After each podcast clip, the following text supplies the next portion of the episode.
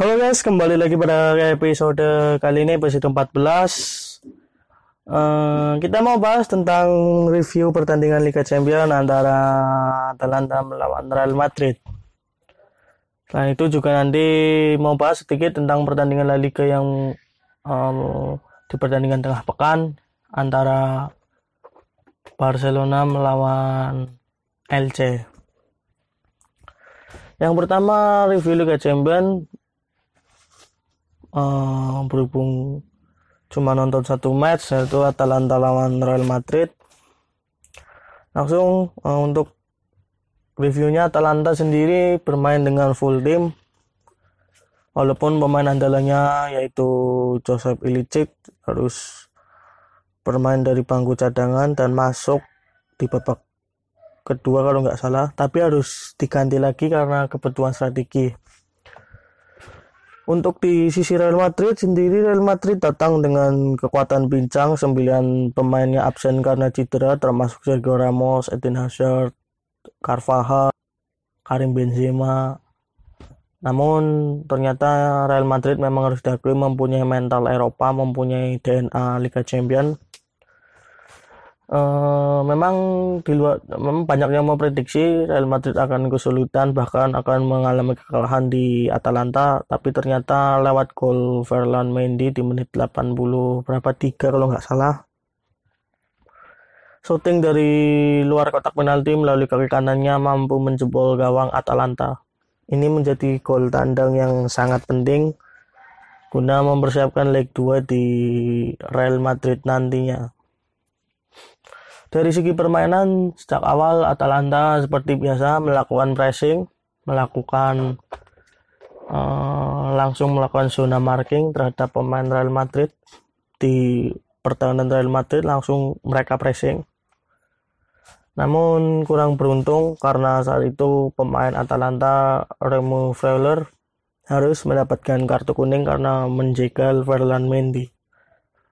Memang ini murni pelanggaran tapi masih menjadi sebuah kontroversi ataupun pro kontra apakah layak diganjar kartu merah atau cukup hanya diganjar kartu kuning karena wasit langsung secara tegas tanpa melihat VAR lagi memberikan kartu merah kepada Remo Fleurer. Praktis Atalanta yang sebelumnya mengambil kendali serangan, inisiatif serangan, namun karena adanya pemain yang di kartu merah dan hanya bermain dengan 10 pemain, membuat Atalanta lebih menunggu dari Real Madrid untuk menyerang. Sebenarnya berhasil uh, taktik Atalanta untuk menunggu Real Madrid. Atalanta lebih menunggu melakukan kompak defense karena mereka bermain dengan 10 pemain, sesekali melakukan serangan balik. Namun di menjelang akhir, di menit-menit akhir, justru Atalanta kebobolan kecolongan gol lewat Ferland Mendy kiri asal Prancis ini. Di sisi Atalanta sendiri, di sisi uh, sorry di sisi Atalanta sendiri yang kehilangan playmakernya yang hijrah ke Sevilla, Alessandro Papu Gomez, uh, sedikit mengurangi agresivitas dan kreativitas Atalanta. Praktis Atalanta hanya mampu menyerang melalui dua sayapnya yang rajin naik turun membantu pertahanan maupun serangan. Di lini depan, baik Luis Muriel, Dufan Zapata ataupun uh, Ruslan Malinovsky tidak bisa melepaskan shot on target ke gawang Courtois karena semalam Rafael Varane, Nacho Fernandes, Lucas Vazquez dan Ferland Mendy yang menjadi empat pemain bertahan Real Madrid tampil disiplin dan mampu meredam sepak bola menyerang ala Gianpaolo Gasperini. Masih sulit ditebak siapa yang akan lolos ke babak 8 besar.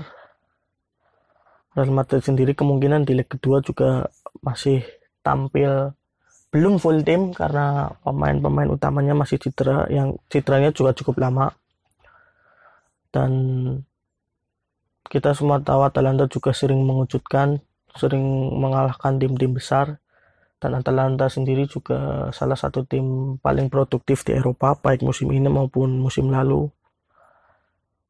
saya rasa juga Atalanta masih bisa memberikan kejutan, masih bisa memberikan sebuah drama menarik untuk Liga Champion.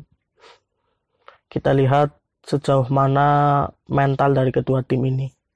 Tapi bicara mental sekali lagi Real Madrid sudah memilikinya, sudah memiliki DNA Liga Champion, sudah memiliki pemenang uh, sorry sudah memiliki mental sebagai pemenang Liga Champion tiga kali berturut-turut. Ini tentu menjadi modal yang cukup kuat. Tapi apa pun itu bisa terjadi. Karena Atalanta juga tidak bisa diremehkan. Lalu review pertandingan yang kedua semalam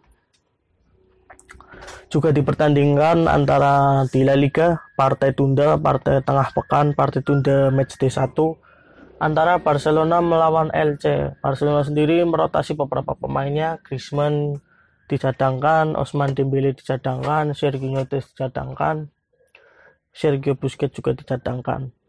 Awal babak pertama hingga pertengahan babak pertama Barca kesulitan walaupun menciptakan dua peluang emas lewat shot on target Trincao tapi masih bisa digagalkan oleh kiper LC yang tampil gemilang di babak pertama. PR bagi Kuman memang uh, itu finishing yang cukup buruk. Trincao hanya tinggal meletakkan bola namun finishingnya cukup lemah sehingga kiper LC masih bisa membendung sepakan dari Trincao. Lini tengah Barca kebingungan Pianik sekali lagi setelah dipercaya Kuman tampil menjadi starting eleven justru tidak tampil maksimal perannya tidak terlihat justru uh, Frankie De Jong dan Pedri yang bekerja keras bahu membahu memanjakan Messi maupun uh, Trincao. Martin Bradway yang diproyeksikan di posisi winger kiri juga sama tidak menampilkan penampilan yang menonjol. Di babak pertama praktis hanya Messi Trincao yang memiliki peluang. Lini tengahnya pun masih suka salah passing tidak berani mengambil risiko passing kehilangan bola. Beruntung untuk lini belakang, Pique berdua dengan Umtiti dikawal oleh Mingguisa dan Jordi Alba tampil baik, transisi mereka bagus. Alhasil gawang Ter Stegen mampu clean sheet untuk pertandingan semalam. Lalu masuk babak kedua, Kuman langsung melakukan pergantian pemain, empat penyerang langsung dimainkan dengan menarik Pjanic dan digantikan oleh Osman Dembele. Osman Dembele mengisi posisi kiri, lalu di tengah duet Bradway di belakangnya Temesi dan di kanan Trincao. Pergantian ini langsung menghasilkan gol. Aliran bola lancar 2 menit setelah babak pertama sorry 2 menit setelah babak kedua dimulai. Messi langsung mencetak gol lewat kombinasinya dengan Martin Braithwaite. Martin Braithwaite yang bertugas sebagai pemantul uh, mampu mampu memberikan asis kepada Messi. Harapannya memang seperti ini peran Braithwaite uh, menjadi pemantul, menjadi tembok bagi Messi ataupun penyerang lainnya. Karena Martin Braithwaite uh, mempunyai kualitas, mempunyai teknik untuk menjadi pemantul yang baik. Lalu serang selang beberapa menit, uh, Messi mampu kembali mencetak gol kalau nggak salah menit 60 atau berapa lewat bermula dari aksi soloran Frankie De Jong yang begitu luar biasa mencari ruang dribble hingga kotak penalti lalu melepaskan cutback diselesaikan dengan mudah oleh Lionel Messi setelah melewati beberapa pemain dan melakukan finishing yang menipu kiper. Beruntung memang Barca mampu mendatangkan Frankie De Jong saat musim lalu karena Frankie De Jong menjadi pemain yang amat sangat penting, menjadi pemain vital bagi Barcelona. Saya harap Barcelona mampu mempertahankan Frankie de Jong hingga beberapa tahun ke depan. Bisa juga Frankie de Jong langsung dipagari kontrak 10 musim atau 15 musim. Nah, setelah unggul 2-0, Barca melakukan beberapa pergantian pemain. Griezmann masuk menggantikan Trincao, lalu uh, Des masuk menggantikan Mingueza, Busquets juga masuk menggantikan uh, semalam berarti Busquets masuk menggantikan Trincao. Griezmann masuk menggantikan Bradway sorry dia menggantikan Bradway lalu uh, Des masuk menggantikan Mingueza. Berarti setelah sorry setelah gol ketiga baru melakukan pergantian tersebut gol ketiga awal mulanya Messi uh, melihat melihat pergerakan dari Bradway lalu melakukan passing. Bradway lagi-lagi uh, mampu menjadi tembok terbaik menjadi uh, tukang asis yang brilian. Sundulannya mampu diteruskan oleh Jordi Alba yang melakukan overlapping hingga ke dalam kotak penalti lawan. Secara permainan memang belum maksimal. Barca terkesan masih muter-muter belum mampu menemukan formula terbaik aliran bola masih sering salah passing, belum selancar pertandingan-pertandingan saat dalam performa terbaik. Tapi bagaimanapun juga secara hasil memang mencetak gol dan tanpa kebobolan harus diapresiasi, apalagi persaingan semakin ketat. Pertandingan selanjutnya juga berat, harus bertandang ke kandang Sevilla Ramon Sanchez Pizjuan. Sevilla sendiri masih memainkan 23 laga, sedangkan Barcelona sudah memainkan 24 laga. Jadi nanti pertandingan di Sevilla sangat penting uh, apakah Barca bisa mempertahankan peringkat tiga lalu sekaligus memangkas jarak dengan Real Madrid ataupun dengan Atletico Madrid.